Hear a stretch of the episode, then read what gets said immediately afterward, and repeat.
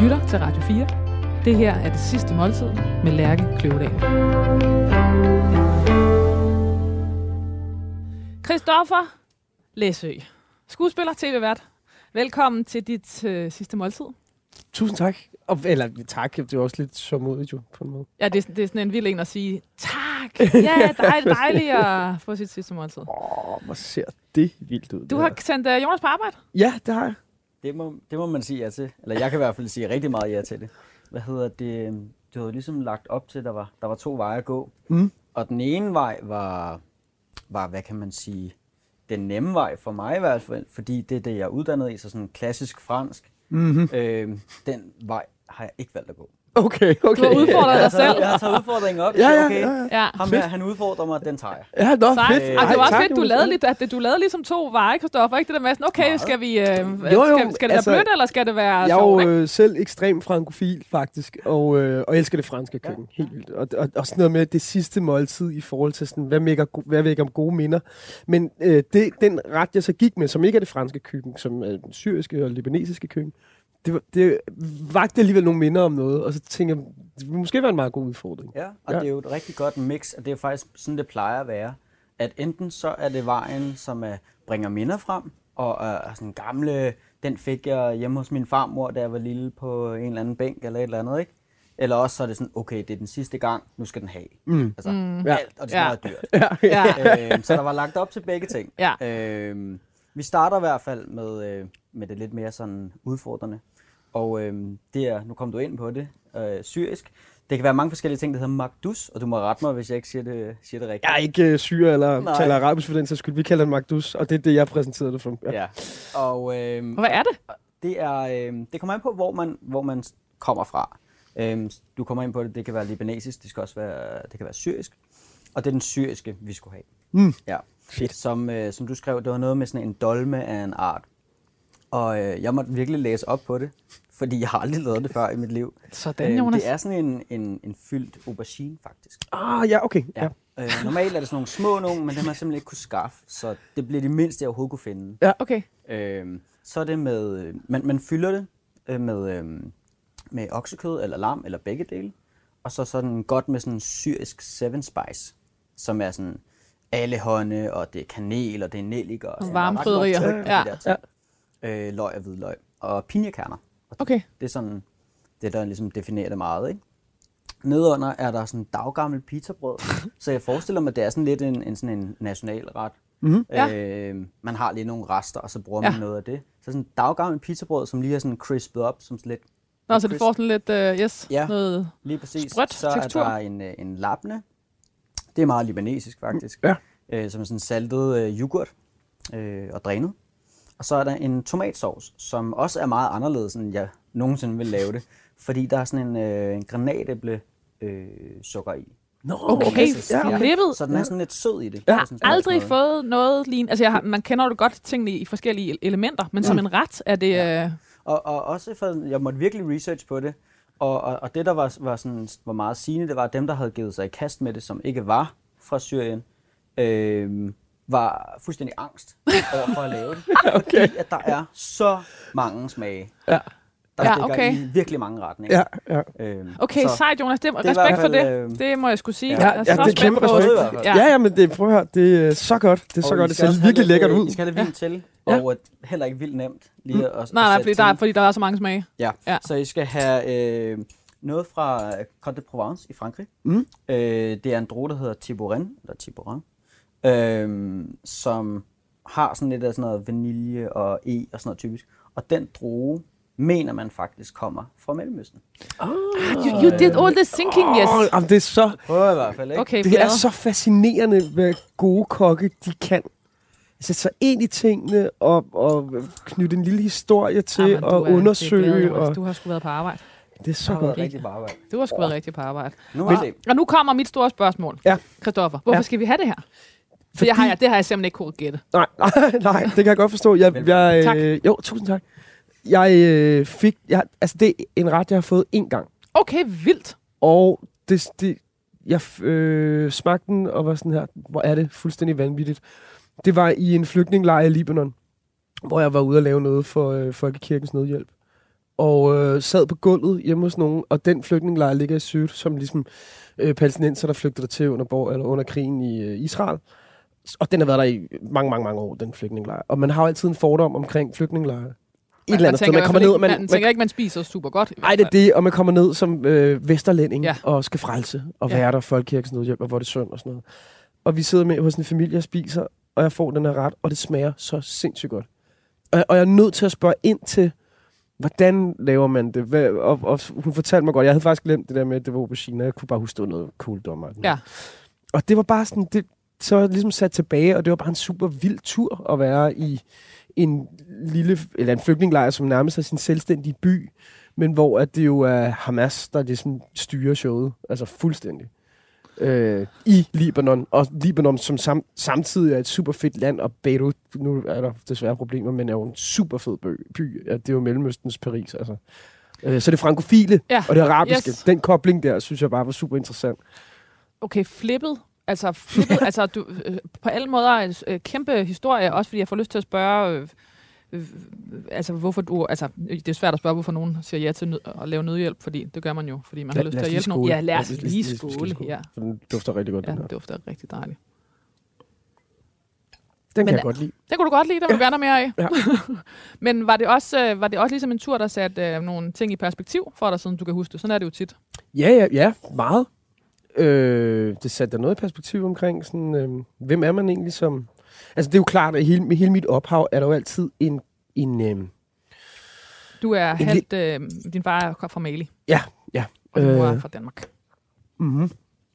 Og en eller anden måde altid søgen efter en identitet. Og der er jeg jo sådan meget flydende. Jeg tror faktisk, det der med at så tage en flygtningelejr, så min identitet lige pludselig Mm. bliver udfordret på, at, at øh, så kommer jeg jo som etnisk noget blandet, Mm. og bliver taget imod som... Jeg gik på gaden, så troede de, jeg var lokal. Mm. Og du det oplever alle mulige steder i verden, ikke? At det, sådan, om det kunne være, at han er fra England, eller det kunne være, at han var araber. Fordi det, det, jeg, jeg, jeg ligger sådan visuelt lige midt imellem, men hele min, min, mit selvbillede er jo noget væsentligt anderledes. Ja. Og øh, så, så på den måde, så øh, være ude i, i sådan en kontekst i en flygtningelejr, det var ret specielt. Fordi mange af dem snakker bare arabisk til mig. Ja. Og hvor jeg står så hele og, og din min, identitet blev også ligesom kastet op i luften. Ja, ja, det er Ja. det. Og det gør den gentagende gange, Ja. ja. hvor jeg rejser hen. Og det både øh, kan være lidt øh, underligt, fordi der, der er så mange øh, øh, der er så mange ting, man ikke får svar på. Men det er også super sundt, fordi man altid tager stilling til sig selv og sin udvikling et eller andet sted. Uden at være helt navlepillende, med, der er også noget med, at øhm, det jo både være den største gave og den største forbandelse at passe ind alle steder, Mm. og dermed måske også svært ved at passe ind nogle steder. Eller Ja, ja, ja, præcis. Altså, Ja. ja, eller man tilegner sig i hvert fald også nogle gange. Jeg har en, måske en evne til at kunne være ekstremt voldsom, ekstremt højt råbende og se mig, men også meget følsom. Mm. Og, og altid kunne anskue øh, situationer. Prøv altid at anskue dem for alle mulige forskellige, øh, uden at sammenligne mig med ham. Men med Barack Obama har faktisk, hans biografi, har faktisk lidt det samme, det der med, at man altid kan se tingene for alle mulige forskellige synspunkter. Og så er man nødt til at vælge. Man er ikke ligesom navigeret hen imod et synspunkt. Man er nødt til at vælge selv. Ja, klart, nogle gange er man nødt til at gå med Ja. strømningen, ikke? Ja. For eller imod vaccine. Mm. Forstå mig ret. Ja. Men det, det er... Ja, det er sådan, jeg har det. Altså, ja. Christoffer, jeg starter lige med at præsentere dig. Mm. Skuespiller, øh, blandt andet kendt for Broen, Underverden, Centervagten, Bedrag, De Frivillige og The Square, der vandt de gyldne palmer i Cannes og var nomineret til en Oscar. TV-vært, blandt andet på Danmark har Talent og All Together Now.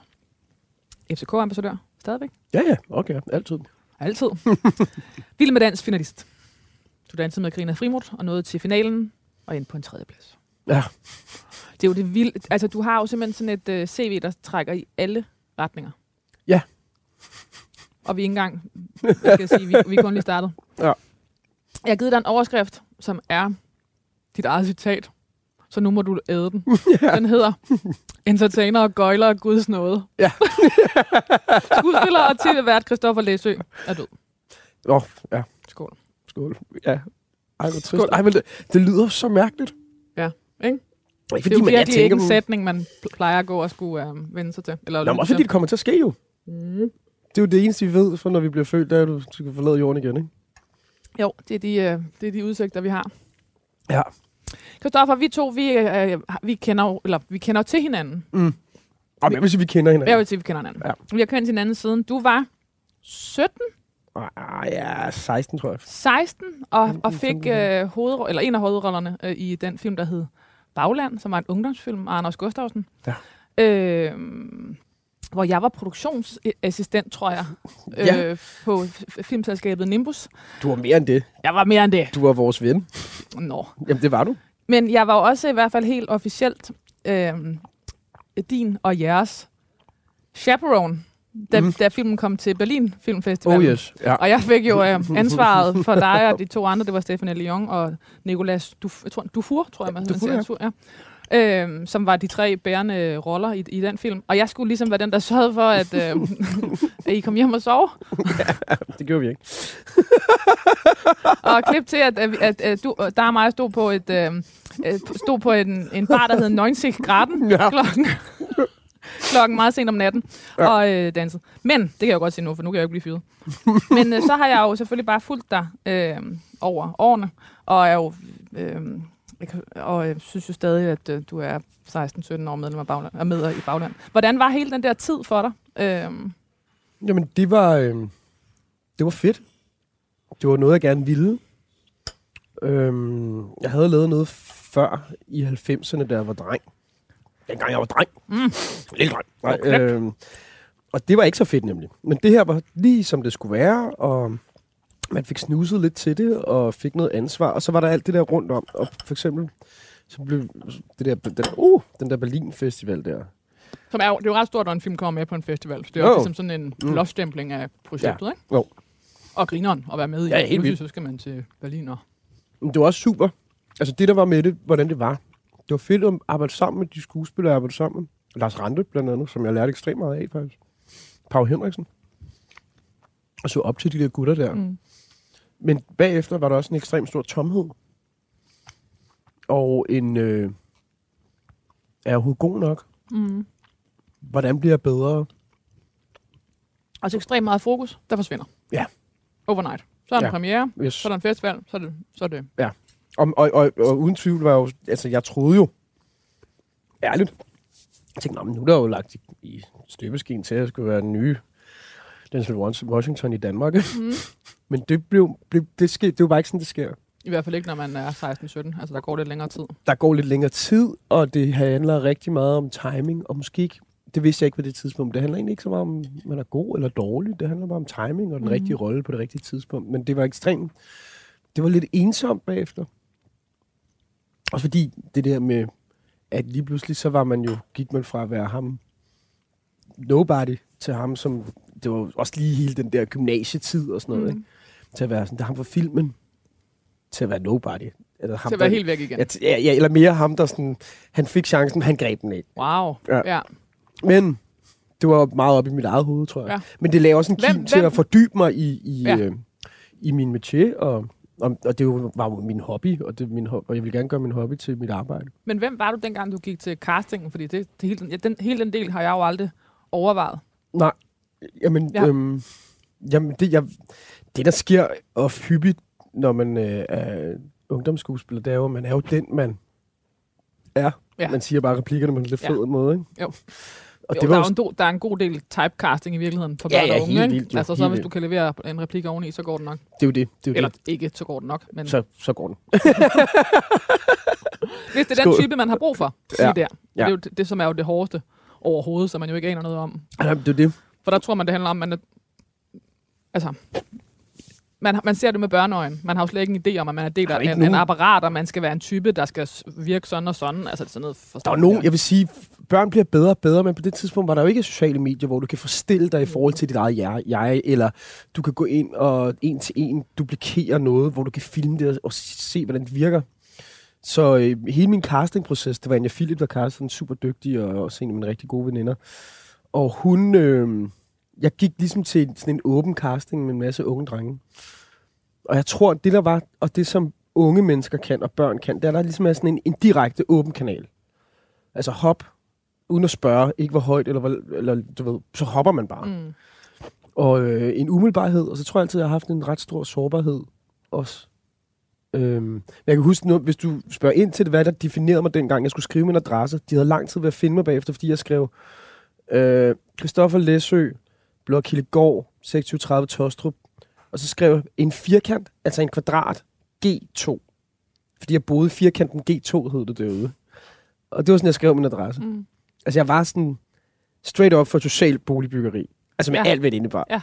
Og det var sådan, du ved, det, det bare, det var det, jeg Ja, var. det var, det var din afsender der, eller det Ja. var den, du, øh, det, du kom fra. Det var bare det. Jeg kunne ikke engang finde ud af at skrive en ordentlig, altså en ordentlig Nej, nej, nej. adresse. Det ja. Jeg kan huske, at øh, faktisk på en, altså på en ret stor optagdag, ja. Ja. som var øh, på det tidspunkt, hvor Islands øh, Bryggebadet lige øh, åbnet. ja, ja. Og, øh, og vi havde sådan en øh, ret stor scene, hvor, Nej. hvor øh, dig og Stephanie Leon skulle ligesom sådan... Jeg kan ikke huske, om det, det er ligesom sådan, skal, hvad skal jeg sige, kysse første gang, eller hvad ved jeg. Men grunden til, at den var stor, var, at det var... Altså, der var virkelig mange på arbejde, for der var mange statister, der var mange, stati- eller der var mange crowd controllere, som det hedder, Mm, mm, som øh, ligesom skulle øh, sørge for, at der ikke kom mennesker i billedet og sådan noget, for det var en varm sommerdag. Ja. Øh, og øh, så skulle du øh, hoppe i vandet. ja. Og det var, det, var, det var først, da du var hoppet i vandet, og lå dernede, at du sagde, jeg kan ikke svømme. altså, altså og, og, og, det kunne du så virkelig ikke. Nej. Men du lå, bare, jeg, du lå bare dernede med verdens største øjne, og det var som om, det først selv gik op for dig der, at du ikke kunne svømme. Ja, men det var, Og så må du hellere sige det, før du drukner. ja, men det var... Jeg ved ikke, altså, jeg har prøvet det før på film. Der er jo noget med, hvor man... Man er så vant til, at i film går det aldrig galt jo. Mm. Så når man ligesom er i gang. Og det og, og sådan noget, jeg, kunne- jeg kunne godt svømme lidt, men jeg har aldrig nogensinde svømmet med tøj på. Jeg blev skubbet i vandet med tøj på. Fair nok. Og det trak mig bare ned, og jeg var sådan... Men kameraen ruller, og jeg vidste på det tidspunkt, det er dyr tid, det her. Det havde jeg allerede lært der. og så, For sådan noget femte optag, det er dyrt der. ja, præcis. og så lå jeg jo der og baskede rundt. Og, kunne, og til sidst måtte jeg bare overgive mig sådan, jeg kan ikke svømme, jeg kan ikke svømme, men jeg var det sådan. Og hele ikke jo huske bare i, i panik, fordi mm. det var sådan, har man kastet en... altså, jeg, ved, jeg ved ikke, om man tænkte på det som barn. Jo, det gjorde man sgu nok. Wow, Ud- barn. Altså ud... Øh, Jeg er ikke stemmeret, jo. du var ikke stemmer. Du var barn. Hvis, Ja. ja. hvis drengen ikke siger fra, så er han kraft om at hoppe i vandet, ikke? Okay, Christoffer. Yes. Jeg læser din... Jeg har skrevet din nekrolog. Ja. Den er skrevet ud fra ting, der er skrevet om dig. Mm.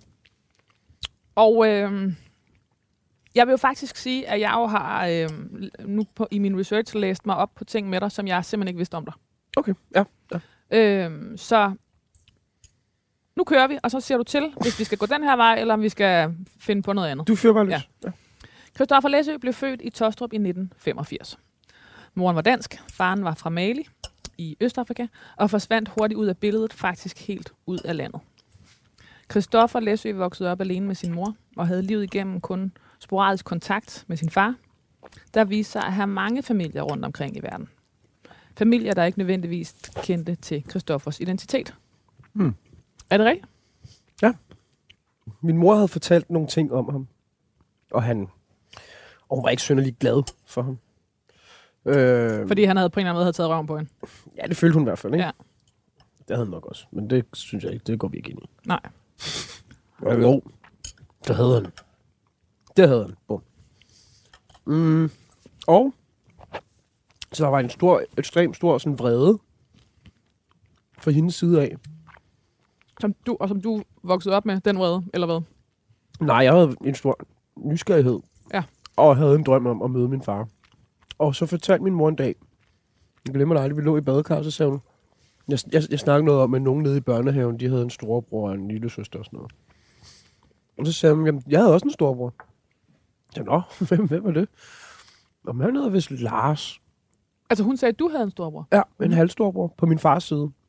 Fordi min far havde fået et barn i Danmark. Inden han mødte min mor. Og så var det en stor drøm nemlig at møde min, øh, min far og møde min bror. Så det var ligesom sådan noget, der blev plantet i dig, at de Ja, ja. fandtes, og det, Ja. du ved, de, de- at det skulle ske en dag. Jo, jo, jeg havde de store drømme om, at min far var for sej og sådan noget. Mm. Det er han også. Og min bror og sådan noget. Og det er han også. Min bror er rigtig sej på os. Men dem, øh, jeg mødte min bror først, der var sådan noget 17-18 år. Og så rejste vi ned til Mali og mødte min far. I rejste sammen derned. Efter vi havde kendt hinanden i måske en måned eller sådan noget. For det var ligesom sådan et projekt, at I skulle... Øh, kendte han ham? Eller? Min far havde kontakt til ham, ja. Okay. Eller undskyld, min bror havde kontakt til Ja. min far. Det var sådan, det var, ja. ja. Og så mødte jeg ham. Det var ret svært. Det er svært. Han lever endnu? Han, øh, for det første så øh, er han et menneske, som er en drømmer. Mm. Han er, jeg er ikke helt over på det der stjernetegn, sådan noget, men han er fisk ligesom jeg, og der er nogle ting, som at vi sejler lidt i vores eget hav, og han øh, har nogle visioner, og samtidig med så han psykisk syg, han er bipolar. Og det er ikke nemt at tilgive et menneske, som har valgt en fra, hvor man er efterladt, man er ikke bare valgt fra, man er også valgt fra på en måde, hvor man er efterladt med, spørg- med, med spørgsmålet udefra, hvorfor ser man ud, som man gør? Ja. Og først og fremmest er det det spørgsmål, man stiller sig selv. Og så samtidig kommer også, altså jeg kan mærke, at jeg kommer også med en genpulje af, altid har, jeg ved godt, altså, som jeg, ja, altså en genpulje, det ikke, fordi det har ikke noget med det afrikanske kontinent at gøre, men jeg kan mærke, jeg har en aggressivitet, jeg har en, nogle gange sådan en stolthed, som ligger lidt uden for, hvad andre mennesker vil opfatte som stolthed. En rytmik, som jo bare ikke kommer fra Lolland, hvor min mor kommer fra. Jeg ved godt, det er kun dig, der må sige den sætning, at du har rymt rytmik. Hvis jeg sagde den, ville Ja, ja, men det var, og, prøv, Ja. det var derfor, jeg bed mig i tungen, Ja. og det var også derfor, jeg sagde, ikke øh, myndet på det afrikanske kontinent. Mm. Mm. Altså, min far kunne lige så godt komme fra Belgien, eller han kunne komme fra Lapland. Altså, men der kan de også være rigtig dygtige til at danse, eller, eller høre rytmer, eller... Men der ligger noget i det der. Øhm, og de spørgsmål får jeg jo sådan, det, der siver svar ud fra min fars side af. Fordi han er også ekstremt drevet af skyld i forhold til, at han forlod os. Og skyld i forhold til, at han forlod sin, mine småbrødre og mine småsøstre. Altså det bliver ved med at, at det mønster, han satte i vandet, bliver ved med at gentage sig. Og nogle gange er man lidt en statist i hans higen efter hjælp. Han, han er en mand, der bare gerne vil hjælpes. Og så havde jeg planlagt en helt stor tur med min datter og ned og møde ham og så videre i Frankrig. Han bor i Paris nu. Men øh, så kom der en global pandemi, og det var, Frankrig var ikke lige destinationen på det tidspunkt. Men så du Så- har stadig en plan om, at din datter skal møde ham? Og... Min, min datter skal møde ham. Mm. Jeg, jeg, jeg skal lige... Øh, jeg snakker med ham, vi snakker sammen. Men jeg er ikke så god til det der med kommunikation. Jeg har tilgivet ham. Det er slet ikke det. Jeg, har bare gerne, jeg havde en af de bedste dage, jeg har haft i mit liv, tror jeg, var bare at gå rundt med min far i Paris. Og bare snakke. Om alt muligt godt. Og det kan han sagtens finde ud af. Han er en ekstremt intelligent mand. Nu er der jo en, i vores samtid en stor debat med hensyn til etnicitet i forhold til Black Lives Matter for eksempel. Mm. Alt det der. Hvor jeg jo altid har følt, og det er 100% på grund af min far og mit ophav, at jeg altid har følt, at jeg på en eller anden måde er pioner inden for det, jeg gør. Fordi når jeg satte periskopet op for det dybe hav og kiggede rundt, så var der bare ikke andet. Der var ikke andre.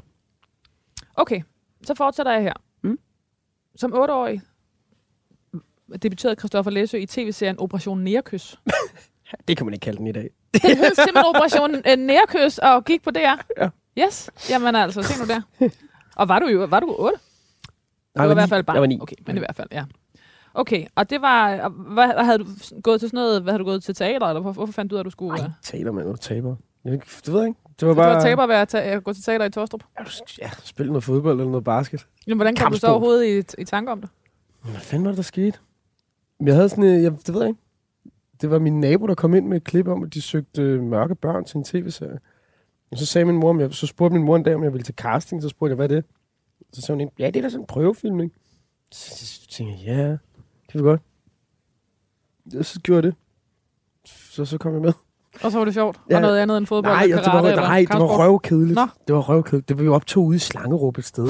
altså en eller anden, en eller anden f- efterladt skurvogn. Og, og, de børn, der var med, de var super søde, men jeg spillede en rolle, hvor jeg ikke måtte sige noget. Og Hvorfor jeg må du ikke op sige dengang, noget? Fordi jeg havde skulle spille barn med krigstraumer. Du godeste. Jamen, det var forfærdeligt. Og det var en helt sommerferie, mens gutterne spillede bold over i buret, så skulle jeg bare ligge derude i Slangerup. Altså, glemte det med nogle shorts, der var alt for kort på her. Men tjente du ikke en masse mønt? jo, men min mor hun fik også et nyt køkken.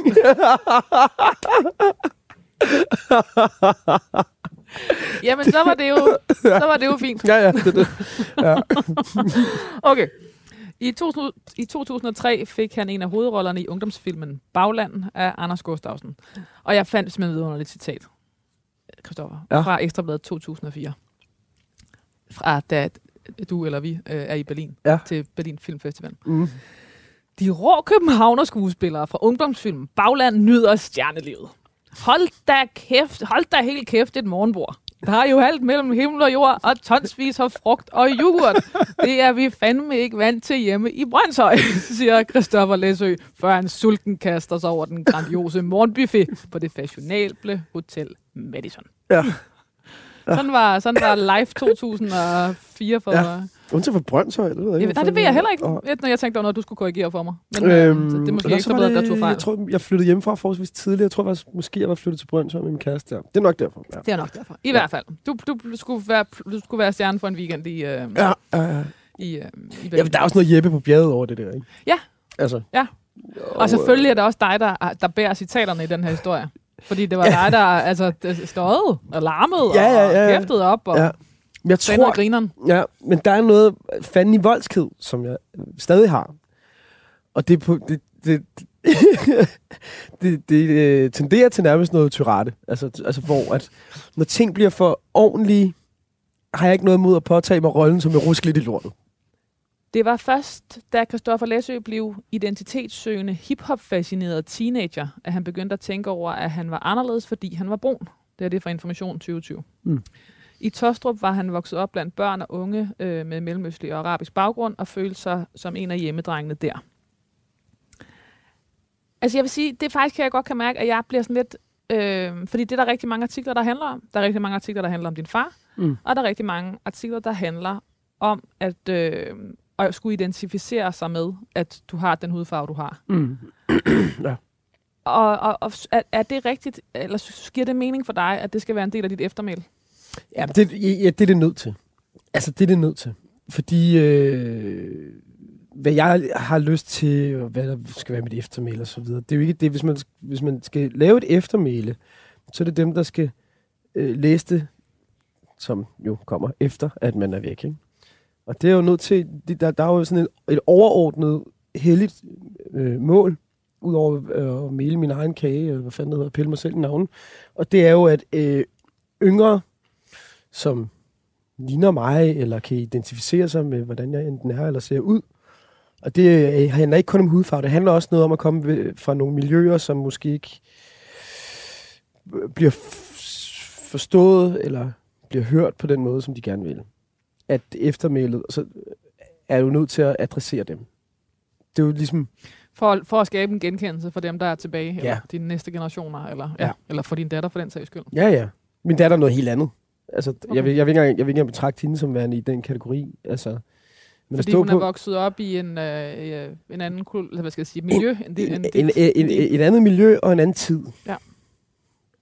Øh, jeg ser mig som ekstremt privilegeret at få lov til at arbejde med noget, som faktisk var en drengedrøm. Ikke? Min mor, hun meldte mig til, øh, hun meldte mig til noget teater engang, og øh, der holdt jeg det faktisk skjult.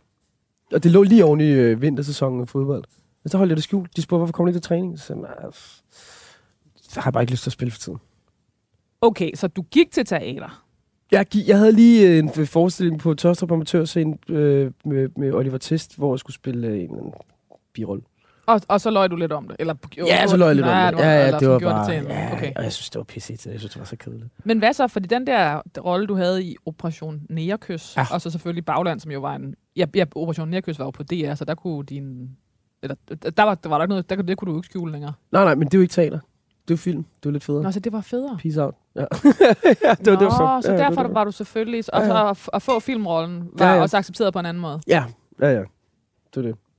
Altså, der var, det var helt... Øh, og så blev jeg ret gode venner med nogen, som også har lavet en ungdomsfilm det år, som kom fra Jylland. Altså, Simon Melville og Esben Smed, blandt andet Marie Bak og sådan noget. Og så havde man ligesom et var andet perspektiv. Ja, fuldstændig, ja. ikke? Og, Ja. og, og snakkede rigtig meget med Pau og, og. Lars Rante og sådan. Og, og det, Så det, på den, altså allerede der var, var, var jeg bare sådan, så nysgerrig på, hvad fanden det her fag det kunne. Og de tre spillere, som jo faktisk, øh, Marie og Siren og Esben Smed, som jo faktisk også var med i Berlin. Ja. Med filmen To rykker To rykker. Også en fantastisk titel. Nej, hvad nu det? Siger du helt. Oh. Hvad er det, Jonas? Ja. Jamen, øh, nu, nu snakker vi jo om at, at gå i den der originale retning. Mm. Og, øh, og det var der Og det er også fedt, fordi for. du, har- du var virkelig ude i de store franske klassikere. Også. Ja, ja, ja, ja, men bare, du, ja. du kunne bare have smurt dig igennem for gras og hele... det var paté, ikke også? Jo, jo, Og- jo, Og jo. det var øh, øh, confit de canard. Ja, præcis, ja. Og, og sarbanar for den sags skyld Yes, yes, yes, yes. Øhm, så ja, Alt- jeg, jeg har alt taget udfordringen op meget. Alt Mm, mm, mm. øhm, Det er en øh, vestafrikansk øh, nationalret fra Gambia. Ja. Ved jeg ikke, What the. Jo, fuck? ja, ja, Ja. ja. Som hedder. Bene- Benetton. Benatin. Ja. Øhm, som er sådan en, øh, jeg forestiller mig, det er lidt det samme som, som forretten. Det er sådan en, alle spiser det. Mm. Øh, det er sådan en one pot, så det er, øh, det er kylling overlov, steger, så er det øh, tomat, det er peberfrugt, det er løg, hvidløg, sådan nogle ting. Øh, og så, så koger man ris med, med i, i sovsen her, så det hele det er bare sådan Samler sig. en gryde. Yes. Lige præcis. Og det er egentlig, det er egentlig hvad det er. Sådan. Det ser lækkert ud. Og ny vin. Ny vin, ja. Og øh, prøvede jeg igen, ikke? Så det er fra noget, der hedder øh, City on a Hill. Og det er en drue, som hedder Tinta, som, som kommer fra, noget fra Sydafrika. Okay. Så vi er i Afrika, så det var nok det tætteste. Jeg, jeg kunne ikke lige finde noget vin fra, fra Så Gambia, ej, det har været sindssygt. Havde, det det havde også været first for mig, vil jeg sige. Men hvem ved, måske er der en, en skjult skat. Det var, hvad der ligger Gambisk vinskat. en lille vingård i Banjul eller andet sted. Altså, og Christoffer, igen, Ja. altså, jeg, bliver, jeg er jo stadig why, fordi det er jo ikke Mali, det er ikke... Nej, men det er Gambia. Det, det er min, øh, min første introduktion sådan en til en til det afrikanske kontinent. Der skete det, at, at jeg, øh, da jeg gik i 3. klasse, så gik, så kom der lige pludselig en mørk fyr ind i min parallelklasse. Altså, som var mørkere end mig. Og som hed Par. Og så kom jeg hjem fra skole. Og så stod der en mørk fyr nede. Vi havde sådan en lille damp ude. Vi havde boet sådan en rækkehus. ikke? Var der sådan en lille damp. Så stod der en mørk fyr nede i søen. Så, I Par- søen? Ja, ja, nede i den der lille damp der. Og, så- og, så- mor, der står en dreng ude i søen. Ja, han har stået der hele dagen. det er da for mærkeligt. Hvem er det? Der er flyttet nogle nye ind ved siden af. Og så par. Og det var sådan en lillebror, der stod i søen. Og Pars mor var flyttet ind ved siden af. Okay. Og øh, det første afrikanske mad, jeg nogensinde Men hvorfor stod han ude i søen, Christoffer? Det gør Robert bare nogle gange. Han er, han er bare en lille dreng, og så var der en sø. De var ikke vant til at se det. Det var bare sådan, Nå, der er en sø, den skal der bades i. Der stod han Hele dagen. Nej, jamen, han har været der to gange, tror jeg. ja, øh, ja, det var Robert. Og så øh, hans storebror Par. Og Og så, Par er en af mine aller, allerbedste venner stadig. Og første gang, jeg nogensinde smagte noget, der var afrikansk, det var øh, Benetton. sindssygt. Ja. Det Vildt. kunne sagtens have været noget med øh, sådan noget plantain, altså bananer. Nå ja, Ja, ja, ja. Det spiser man rigtig meget, ikke? Ja, Så det, ja. det, inden jeg sluttede op, så tænker jeg, det er helt sikkert sådan noget. Med, Og det var der overhovedet ikke. Jeg synes, den her, at den, den her ret er jo lidt mere, altså, det, kan vi, det kunne vi sgu godt det have kunne vi lavet. godt have Ja, spist herhjemme. ja, ja, Eller ja, have sagtens, lavet, ikke? sagtens. Jo, Ja. jo, klart. Godt. Ja. Velkommen. Tak, Tusind Jonas. tak, tusind tak. Så det var simpelthen, øh, okay, og, og, og jeg, altså, nu digter jeg, men jeg går ud fra, at du havde en rimelig stor nysgerrighed omkring noget afrikansk. Ja, ja, ja. Ah, men prøv at høre, der er så mange sind, Lærke. Det var, det er jo så mærkeligt at identificere sig selv som et hvidt menneske. Altså fuldkommen. Med holdninger, med alt. Og selvfølgelig hører man hiphopmusik og sådan noget, men det gjorde alle de andre også jo. Og så ligesom blive udfordret på sådan noget med, hvordan plejer jeg mit hår? Min mor hun sad jo kraftigt med en almindelig kam og ræbte mit fucking hår, jeg var lille. Så gjorde det ondt. Er du sindssyg? Jeg havde det jo. Jeg havde det. Det var også derfor, jeg fik dreadlocks. Jeg var fri for at ræbe mit hår. Øhm, og så møde som, altså par, der ligesom bare... Han er det jo. Mm.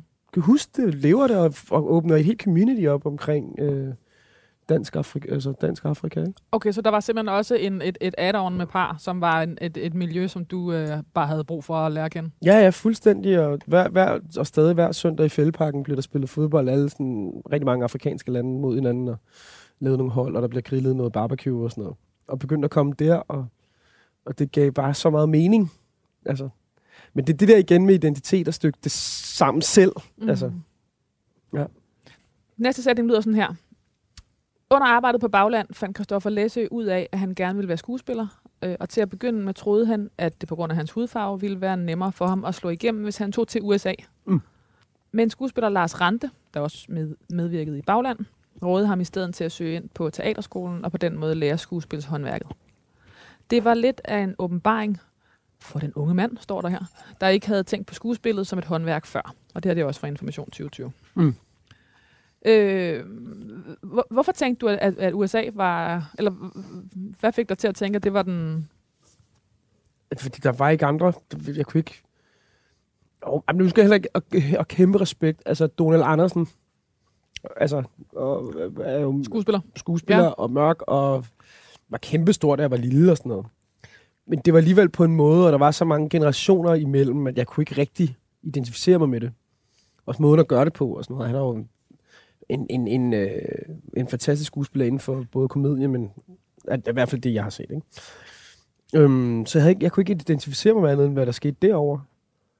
Øhm, ja. Var det, derfor- var det et rigtigt øh, råd at søge ind på skuespilskolen i stedet for... Ja, det var det helt rigtige råd. Ja, ja, ja. Ja, ja. Ja, også fordi, at når det så kommer til stykket, så... Ja, og nu har jeg jo prøvet det. Altså, derovre... Undskyld, jeg siger. I'm just another nigger. Altså. Mens herhjemme er det jo noget andet. Ikke? Christoffer Læsø kom ind på Statens Teaterskole øh, i 2009. Ja. Til scenen.dk sagde han, allerede på skolen lå det i, altså på skuespillerskolen lå det i kortene, at jeg, ikke var, at, at jeg ikke var udvalgt til at være en af dem, der skulle ind og svinge med et svær på det kongelige teater og spille Hamlet. Jeg kommer fra et miljø og en kultur, hvor de der elitære kunstmål var noget, jeg først blev rigtig bevidst om, da jeg kom ind på skuespillerskolen. Jeg kommer fra Tostrup. Øh, der er det fede at spille en fodboldkamp for Barcelona eller FCK. ja. Så det, så det fortsat ligesom, hører jeg. Altså, ja, ja. at en ting var, så du blev skuespiller, Mm. som, som ikke nødvendigt, altså fra, fra at teater var noget nederen, Mm. til at du faktisk blev skuespiller. Øh, Ja. så, så var der stadig nogle nye mål, du ikke, eller nogle, et nyt sprog, du ikke kendte, eller Ja, ja, eller så hvad? bliver man jo udfordret. Altså, teaterskolen er jo et ret specielt sted, ikke? fordi der er altid folk, der spørger sådan, er det ikke sådan et sted, hvor det, så bryder de jer ned, og så skal I bygges op bagefter? Sådan, nej, man, man bryder sig selv ned. Okay. Fordi øh, deres fornemmeste opgave, det er at afle på de ting, som du måske ikke er så stærk i. Så, så, så på den måde, så bliver man jo hele tiden udfordret på det, man ikke... Altså, der, man kommer ind med noget, der bare hedder spilleglæde. Man synes, det er fedt, du går til værket, du læser, du bum og bam og bam. Men lige så snart der er nogen, der spørger sådan, prøv at høre, øhm, hvad er dit mål i den her scene? Eller hvis man er dårlig til den analytiske del, ikke? Altså, Mm. hvad er det hele stykkets kunne? Eller, øh, eller hvis man er dårlig til at være kreativ, jo, men nu har du øh, kun én ting, og du må ikke bruge nogle ord. Nu skal du beskrive, hvad, hvad for en følelse du har med den her ene ting. Så de avler jo på alle de ting, som man ikke kan. Så på et eller andet tidspunkt, så er man jo lidt lost. Ja. Og jeg fandt ud af, jeg havde kommet ind med ekstremt stor spilleglæde, men blev udfordret på de ting, jeg ikke kunne. Der var noget, der var selvfølgelig noget sprogligt, men der var også sådan hele det der med, og så blev jeg også far. Altså, rimelig på, på, på første år, ikke? Så jeg kunne ikke være den elev, jeg gerne ville være. Fordi hvordan ville du gerne være, og hvordan synes du, du var? Jeg vil gerne være sådan ekstremt pligtopfyldende. Komme til tiden. Det havde jeg lidt svært med. Det har jeg altid haft svært med. Øh, og, og måske fordybe mig rigtig meget i, øh, i teatermiljøet mere. Altså at, at læse nogle flere stykker og sådan noget. Men jeg var bare nødt til at lære at binde en blæ. Men en afrikansk far lignede Christoffer Læsø ingen andre skuespillere herhjemme på det tidspunkt, og det blev et issue øh, for ham på skuespillerskolen. Det er også for scenen.dk. Mm. Han kunne se op til andres teknik, men ikke identificere sig selv med andre. Mm. Øh, De kom fra et andet miljø, eller så ud på en anden måde. Mm. Var det, var det sådan at være dig der? Ja. Nu kommer vi lidt ind på det. Jeg fik, jeg fik en utrolig stor vrede. Fordi jeg kunne bare se, at... Eller vrede... Jo, jeg synes, det var så pisse unfair. at Jeg kom med mit ophav, og så nogen, nogen, i nogen på mit hold eller på skolen kom med sådan nogle problemer, hvor jeg tænkte, and so fucking what? Jeg har selvfølgelig ekstrem empati over, for at de kunne føle en smerte, hvor jeg bare tænkte på, øh, undskyld mig, er, har du nogensinde været uden for din egen legusterhæk? Altså, Det var sådan en reality check på... Øh, ja, Ja. det der med sådan, jeg kunne bare mærke, at, at åh, var det ikke rart at gå et sted, hvor at man kun hører om sådan nogle first world problems. og det, det tog jeg ret meget ind, måske.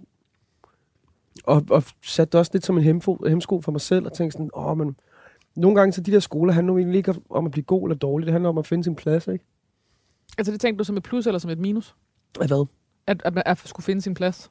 Nej, nej, det er bare øh, retrospektivt, ikke? Ja. Men, Nå, men tænkte du, at det var det, du skulle lære, eller tænkte du, det var det, du stod i opposition til? det, jeg skulle lære på den skole, var bare, bare at være god. Ja. Jeg skulle bare blive den bedste skuespiller, jeg nogen gang kunne blive. Mm. Men det var bare en hindring i forhold til, at jeg kunne se, at alle de, altså, alle de andre havde nogle rammer baggrunden, der enten... Altså, det, det, var bare så sat.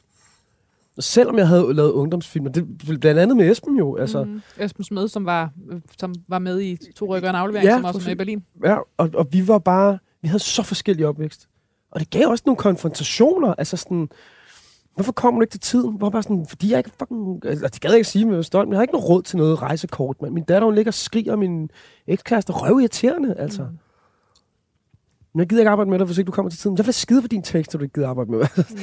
og det var de ting, og det var den vrede, hvor jeg tænkte, åh, hvor det lidt uheldigt, at jeg skal administrere det her således, at jeg er nødt til at virkelig have administra- administrationen på plads, for at kunne udfylde det potentiale, der end skulle være inde bag. Ja. Nu kommer vi til en del, som jeg, som jeg, øh, jeg, jeg simpelthen må spørge dig om er rigtigt. Mm. Da Christoffer Læsø blev færdiguddannet i 2013, havde han svært ved at få roller som skuespiller. I stedet blev han tv-vært blandt andet på underholdningsprogrammet Danmark har talent, hvor han medvirkede i fire sæsoner. Mm. Og så har du sagt til Information, jeg har arbejdet som tv-vært af den enkle grund, at jeg ikke fik nogen roller som skuespiller. Men det handlede selvfølgelig også, øh, men det var selvfølgelig også en udfordring, at men det var selvfølgelig også, nu siger den igen, jeg har arbejdet som tv-vært af den enkle grund, at jeg ikke fik nogen roller som skuespiller. Men det var selvfølgelig også en udfordring at skulle lære et nyt håndværk. Og så handlede det om at stoppe min egen person, øh, stoppe min egen person og mit navn ind i seernes hoveder, så det blev en naturlig del af deres verden. Og det, der er afsættet i, den, i det her afsnit, er, at du ikke fik roller, fordi du er brun. Ja, så kan man godt læse det, men det var ikke det, der skete. Okay.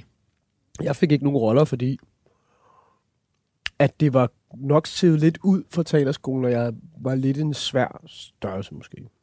Jeg havde ikke fået det maksimalt ud af min uddannelse i hvert fald. Det tror jeg. Ja, men, men, Tror jeg du ved det, eller ved du det? Jeg tror det. Så tror du, jeg. har en, du havde en fornemmelse af, at, at du var blevet øh, en, man ikke skulle kaste, eller hvad? Ja, men der, der fulgte noget med. Der fulgte noget, altså sådan... Øh, øh, jeg tror, jeg fik øh, lidt et prædikat på skolen, da jeg var lidt en drivert. Okay. Det var også helt... det er ikke, jeg siger ikke, at det var rigtigt forkert. men Det var, det var rigtigt. Fordi samtidig fik du jo også roller i Cassiopeia, som i, øh, hvad hedder det, Paul Ricards gamle rolle. Og, øh, Jamen, det kom, efter, det kom Okay. nogle år efter. okay, Altså, Og- hvis, ikke, altså, hvis jeg havde haft noget at lave, da jeg kom ud fra skolen, så tror jeg aldrig, jeg var blevet tv nej. Fordi der, fordi der var ligesom en, en vej, der åbnede sig. Ja, jo, øh, jo, hvis det havde været... Altså, jeg har altid gerne vil være sådan noget vært til sådan noget Eurovision. Eller de der store. Og du ved jo godt, hvis der er noget, man gerne vil, så skal man sige det højt og visualisere det. Ja, ja, Og det. så ser du der næste år, så står jeg kan også godt være vært for sådan noget... Og sådan noget øh, awardshows. Altså sådan Ja. noget... Øh, røgmåt eller sådan noget. Det kan Ja. være skide sjovt. Ja. Øhm, Nu er det sagt i radioen. det er sagt i radioen, ja. Ja. ja. Men så Christoffer, den her sætning fra Information 2020, der handler om, at du ikke fik skuespillerjobs, fordi du var brun. Den er der ingen grund til at tage med i din nekrolog. Lærke, nu siger jeg noget, ikke? Udover, altså som moderne skuespiller, eller gøjler gudsnød, er man jo også nødt til nogle gange at, at øh, være en, sin egen spindoktor. Og på det tidspunkt, da den artikel blev skrevet, havde jeg en, øh, havde jeg lidt luret, at jeg er nødt til at adressere det problem, fordi det har jeg egentlig aldrig talt om. Så ikke for at ende, for at ende som en eller anden dansk onkel Tom, helt blå, var nødt til at adressere, at det selvfølgelig er et problem i vores branche. Ja. Fordi det er fuldstændig legitimt at være hammerne øh, farveforurettet, modsat af farveblind i vores branche. Ja. Og sådan er det. Ja. Ja. Så på den måde er det jo, det passer, men det er også i en tid, du ved, for nogle år siden, to år siden, at, at det skrev, Ja, og det var hvor jeg havde at pege på. Ja, og Ja. Hvor, jeg, hvor jeg vil gerne have, have stillet øh, kigger hen på det. Og jeg skal også skynde mig at sige, at i øh, artiklen står der også, at du er lidt i tvivl om, at du, øh, at du er øh, tvivlende omkring, om du overhovedet skal være med I? i den artikel. Ja. Ja, fordi Ja, det er ja. sådan, er det, den, øh, er det det, vi gider? Ja, nogle ja. gange jeg bliver lige så fred som alle mulige andre. Da Christoffer Læsø gik på skuespillerskolen, fik han sin datter Olivia. Til alt for damerne sagde han i 2019. Jeg fik nok min datter, før jeg var klar. Hendes mor og jeg gik fra hinanden, da hun var 8 måneder. Jeg gik på skuespillerskolen og havde ingenting. Jeg var faktisk hjemløs i en periode. Så at have et barn og skulle skabe plads i mit rodede liv gjorde, at alt i mit voksne liv har været styret af, at jeg ville skabe et hjem for min datter. Ja. Passer det også i dag? Den er... Hvornår gammel den her, det her citat? Fuldstændig. Nå, ja, der, nu, nu, der er jo noget med de her små ællinger, vi sætter i søen, som bliver til store, smukke svaner, og hun er godt på vej. Og hun, Olivia, tror jeg, fylder snart 12, skal nok klare sig. Og hvor gammel var du? 25. Men det, men det var en tid, der var vild for dig at få et barn. Det, var, det kunne næsten ikke være værre. Fordi at du stod med en, øh, en uddannelse, der var stenhård. Du Ja. stod, og du stod med en øh, karriere, øh, der kunne gå alle veje. Ja, og så Eller, som, oveni, du, som, du ikke, altså, som du af gode grunde ikke havde fået ordentlig greb i endnu, fordi du var under uddannelse. mm, ja, og så oveni det, øh, blev der rusket op i alt det der med mit ophav.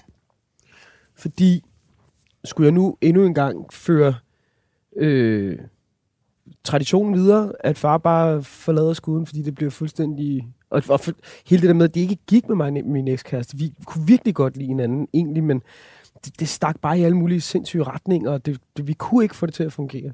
Så jeg havde kæmpe skyld og, altså, og, og skam over øh, at, at forlade mit barn, og ikke kunne give hende det, jeg ikke fik selv. Jeg kunne ikke give hende den der kernefamilie. Jeg kunne ikke give hende øh, nogle år efter måske øh, en, øh, en Tesla og et hus øh, i Ballerup eller et eller andet. Så det, det havde man også med, ikke? Og, øh, og forlod jo hjemmet. Altså, jeg gik med to sorte plastiksække. Og vidste ikke, hvor du skulle gå hen. Anede det. Flyttede lidt ud til min mor og flyttede lidt ind på øh, i min ven Sydhavn. Både øh, hovedbanegården både på et tidspunkt. Både på øh, skuespillerummet på teaterskolen. Der var sådan et loft, hvor vi havde sådan et rum. Boede deroppe i et halvt år eller sådan. Altså, det var helt fucked. Nu får du så det niceste stykke dessert. Ja. Får, nu får du i hvert her? fald det franske. Øhm, der var to muligheder. Profiterol eller en sabanar. Mm. Det er en profiterol med vaniljeis ind i. Og øh, Hvor er det vildt, det her, Jonas. Ej. velkommen. En lille profiterol. Men det er sjovt, det er en. Ja, det er rigtigt. Den kunne også have kommet i... Øh, Ja, men ja. Du har bare fået sådan en maxi-size. Ja, ja. Maxi-bong. Det er så godt. Ej, hold kæft, mand. Hvorfor, Hvorfor- kan man kun dø én gang? Ja. Ja. Hvor er det dog irriterende? Men altså, nu er du så ung, så måske kan det ske. Ja, hun kan og det, mand. Det kan jo være flere Det er det, præcis, du har ni liv. Mm. Øh, hvorfor skal vi have profiterol? Hvorfor? Okay. Øh, I Paris ligger der en, øh, en min yndlingscafé, men det er sådan lidt whack, fordi det er også noget... Er det Café Floor? Nej, Nå. øh, øh, Chez Janot, Okay. som er sådan en lille, lille hyggelig café, hvor de bare har et super lækkert menukort. Og, det, og grund til at sige det lidt plat, det er, fordi det er også Johnny Depps har jeg fundet ud af efterfølgende. Og der fik du øh, den, øh, den her dessert. Men på en måde, som, hvor det bare var... Nogle gange, så, så har jeg det sådan med gastronomi, at enten så er det fordi, at du er, du ved, øh, øh, alkemisten, eller øh, Noma, eller, eller hvor du, du, Ja. ja. du, du er derude, du er Ja. derude. Ikke? Hvad sker der her? Det, det er avantgarde-teater, hvordan forstår vi det konceptet på en ny måde? Eller også så er du fuldstændig traditionstro og gør det, som din mor ville have gjort det, måske din bedstemor. Din, din franske bedstemor. Ja. Ja. Og, det, og der synes jeg, profiterol, Ja. det, den, den skal bare være Ja, men der. det er jo en vinder. Ja, det er så godt. smager den komme. Wow. Den her del, Christoffer, den er jeg virkelig i tvivl om, om, om overhovedet har fyldt noget i dit liv, men nu, nu, hører du, nu, fortæl, nu læser jeg den lige op, så kan du fortælle mig, om den er nekrolog værdig eller ej. I 2014, eller i hvert fald lige efter øh, øh, skuespillerskolen, er det i tvivl om, hvilket år det er, øh, var Christoffer Læsø i forbindelse med en filmoptagelse med i en bilulykke, der gav ham spørgsmålstegn antal sting i ansigtet. Ja. Han slap med en jernrystelse, men ulykken påvirkede ham markant. Mm. grund til at spørge Christoffer er jo, for, altså er jo simpelthen bare, hvilket leder mig til det spørgsmål, som jeg spørger alle mine gæster om. Hvordan forholder du dig til at dø? Nå! Nå! Nå ja, selvfølgelig. det var den, det sidste måltid. Nej, øh, det er for... for øh, åh, det er lidt specielt, fordi... Okay, lad, okay, for at referere til den skide trafikulykke. Ja. Vi optager, jeg kører, jeg har noget med mine øh, medspillere, jeg registrerer, at vi er på vej ud af rabatten, jeg trykker på bremsen, den gamle lortebil gider ikke at bremse, jeg trykker hårdere, vi svinger over i modsat vejbane, ned i en grøft, og hvor at jeg smæ- ikke har sele på og smækker hovedet ind i, i roden. I det, som jeg registrerer, jeg, jeg tænker, vi klarer den, vi klarer den, vi klarer den ikke. Mm. Så langt noget at tænke. Og det, at jeg rammer, lige inden jeg rammer roden, og tænker, nu dør jeg fandme. Så når jeg kun at tænke, satans. Det havde, været, det havde været min sidste tanke på den her jord. Det havde bare været et trist Ja. satans. Pis. Så nogle gange med folk, der er sådan, åh, der kommer sådan en hvidt lys og en tunnel og bla bla bla. Det skal så siges, jeg mistede bevidstheden måske i et nanosekund eller to eller fem. Men det vi går ud med, er jo dagligdagen, der går galt. Mm. Og der ligger noget ufatteligt smukt poetisk på bagsiden af den betragtning, fordi hvis det er det, der havde været mit sidste ord, min sidste betragtning, det var, åh, oh, fuck, nu kører jeg galt, og jeg dør. Åh, oh, fandens altså. Hvis, du ved, og så overlever man, eller der skete ikke skide meget, så må man ligesom fylde resten af tiden ud med noget, der giver mening jo. De gange, man husker på det, man ikke bliver kort op i alle mulige dagligdags ting, eller stress. Måske eller, er det også bare sådan. Det tror jeg Det bare, er, bare, det er hverdag, og så er det satans. Ja, og så ja. var det det. Og det var det. Og det øh, døden. Min datter er begyndt at spørge ind til det. Mm. Og, øh, og vi er altid ude. jeg er endte ud forleden med, hun spurgte noget om døden og livet efter, og jeg endte ud med at forklare noget om sorte huller. Okay, så var du virkelig, for du kunne ikke overskue at svare. Jamen, hvad fanden er det? Altså ikke, altså, og, og, og døden kan være en ting, og så var det der, når, men hvor, hvad, er det, hvad er det fysiske, og hvad er det sjælelige liv, og hvad med sjælen, lever den videre, og hun, nej, men så spurgte hun selv ind og sådan noget, hvor jeg bare tænkte, åh, okay skat, nu går vi på en quest sammen. Jeg hader det der, når man er forældre, nu skal jeg lære dig, og sådan noget. Nu går vi på en quest sammen, dig og mig, og tænker det ud. Og så spurgte hun selv ind til sorte huller, og hun havde forstået det som om, at der kunne så opstå et parallelt liv. Fordi, og så sagde jeg, men det er ikke sådan, jeg har forstået det, skat. Det er jo fordi magnetismen er så kraftig, at selv lys bliver ophobet derinde. Vi forstod ikke en skid begge to. Og sådan noget. Hun er så også kun 12, og jeg er 37. Ikke? Men, men det med døden vækker så ufattelig mange spørgsmål. Og hvis man tager sit liv, og man er en af dem, der virkelig tager sit liv, og føler, at man lever sit liv, og man elsker det med, med alt, hvad det indebærer, så bliver det jo også ufattelig tom tanke at tænke, når det er slut. Er du bange for at dø? Der var en gang, jeg ikke var, men øh, hvis jeg dør, og jeg bare kan mærke, at min datter ikke er klar til at give slip på mig, ja. ja. Min bedste kammerat, Christian Brandt, bor i Aarhus, flyttede op, blev jurist, gift med en biolog. Alt kører, ikke? Mm. Hans, ven, øh, hans, ven, hans mor, Mina, døde her i december. Jeg kunne ikke. Tag, tag dig op. Jeg kunne ikke tage over til hende. Hun var terminal, ikke? Jeg, jeg, jeg, og fordi jeg var så bange, altså det, det er sådan, jeg har det med døden. Hvis det er mig selv lige meget, om folk har lyst til at komme eller ej, don't give a shit. Bare vi spiller noget fed musik, når jeg bliver båret ind i kisten, ikke? Mm. Men, øh, og hun har virkelig været der for mig, også på nogle tidspunkter, hvor at det har været rigtig kritisk og så videre. Og specielt da jeg var yngre. Der var noget i, hvor jeg kom til at tænke tanken, at jeg gik jo ikke, jeg tog ikke over og besøgte hende, da det var, at hun var rask. Så hun boede sådan noget 500 meter fra min mor, når jeg var ude at besøge hende. Så det der med, at man kommer for, er det så for min egen. Mm. altså for min egen samvittighed? Altså, Nå, men jeg var jo også forbi, Mina er jo der med nogle blomster, så nu er alt godt. Mm. Og så må vi hilse ved Sankt Peter.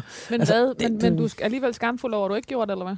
Yes, ja, det er jo, det er jo øh, jeg, jeg følte mig, øh, hvad hedder altså sådan fanget. Mm. Skamfuld, hvis jeg tog det over, fordi, ej, hvor er det synd, ej, nu skulle du dø, ej, jeg har nogle blomster med, ej, hvor er det synd for mig. Og så gå ud af døren og sådan, huh, fik jeg det gjort. Eller, ja, det ved jeg ikke, det var bare noget rod. Altså, det var noget rod. Jeg kan ikke sige, Jeg, tror, jeg har, jeg tror faktisk, at man skal være ret egoistisk i forhold til døden, øh, fordi man er den, der bliver tilbage. Nå ja, åh, det er faktisk også... Så man bliver nødt til at gøre det, der man selv kan leve videre med. Ja, Og, og nogle gange så er det også, øh, det ved jeg ikke, om det var dit tilfælde, men det, nogle gange så er det også et, ikke at komme. Altså, øh, mm, man er ligesom den, der skal kunne være med det, og hvis man ikke kan være med at være der, Så må det være sådan der. Ja. Christoffer Læsø efterlader sin 11-årige datter Olivia fra et tidligere forhold. Mm. Det er fakt. Mm. Hvordan er det? At det står der? Ja. Det, vil være, det er jo forfærdeligt. Altså, det er jo... Det håber jeg ikke kommer til at ske. At det var din sidste sætning? Ja. Æret være hans minde. Må man selv bestå, hvad der, øh, eller be- bestemme, hvad der skal stå på gravstenen? Det er mit næste spørgsmål. Nå, hvad der skal stå? Ja, hvad skal, Christoffer Læsø, hvad skal der stå på din gravsten? Gøjler af Guds nåde. Du tager den med i graven. Ja, ja, ja. Gøjler af Guds nåde. Jeg prøvede sgu. Du prøvede sgu. Men sgu er vigtigt. Okay. Ja. Ikke... øh, Jeg lykkedes sgu. Ej, nej. Nej, vi er ikke lykkedes med noget som helst nu. Fordi hvad, der, hvad, hvad, hvad, hvad, hvad vil du gerne nå at lykkes med? Og blive ved. Og blive ved. Og blive ved. Og blive, ved. blive bedre og bedre. og bedre. Christoffer Læsø, tusind tak, for du vil være min gæst i det sidste måltid. Tak fordi måtte. Du har lyttet til det sidste måltid på Radio 4. Husk, at du kan downloade Radio 4's app, og der kan du finde alle det sidste måltids programmer. Tak, fordi du lyttede med.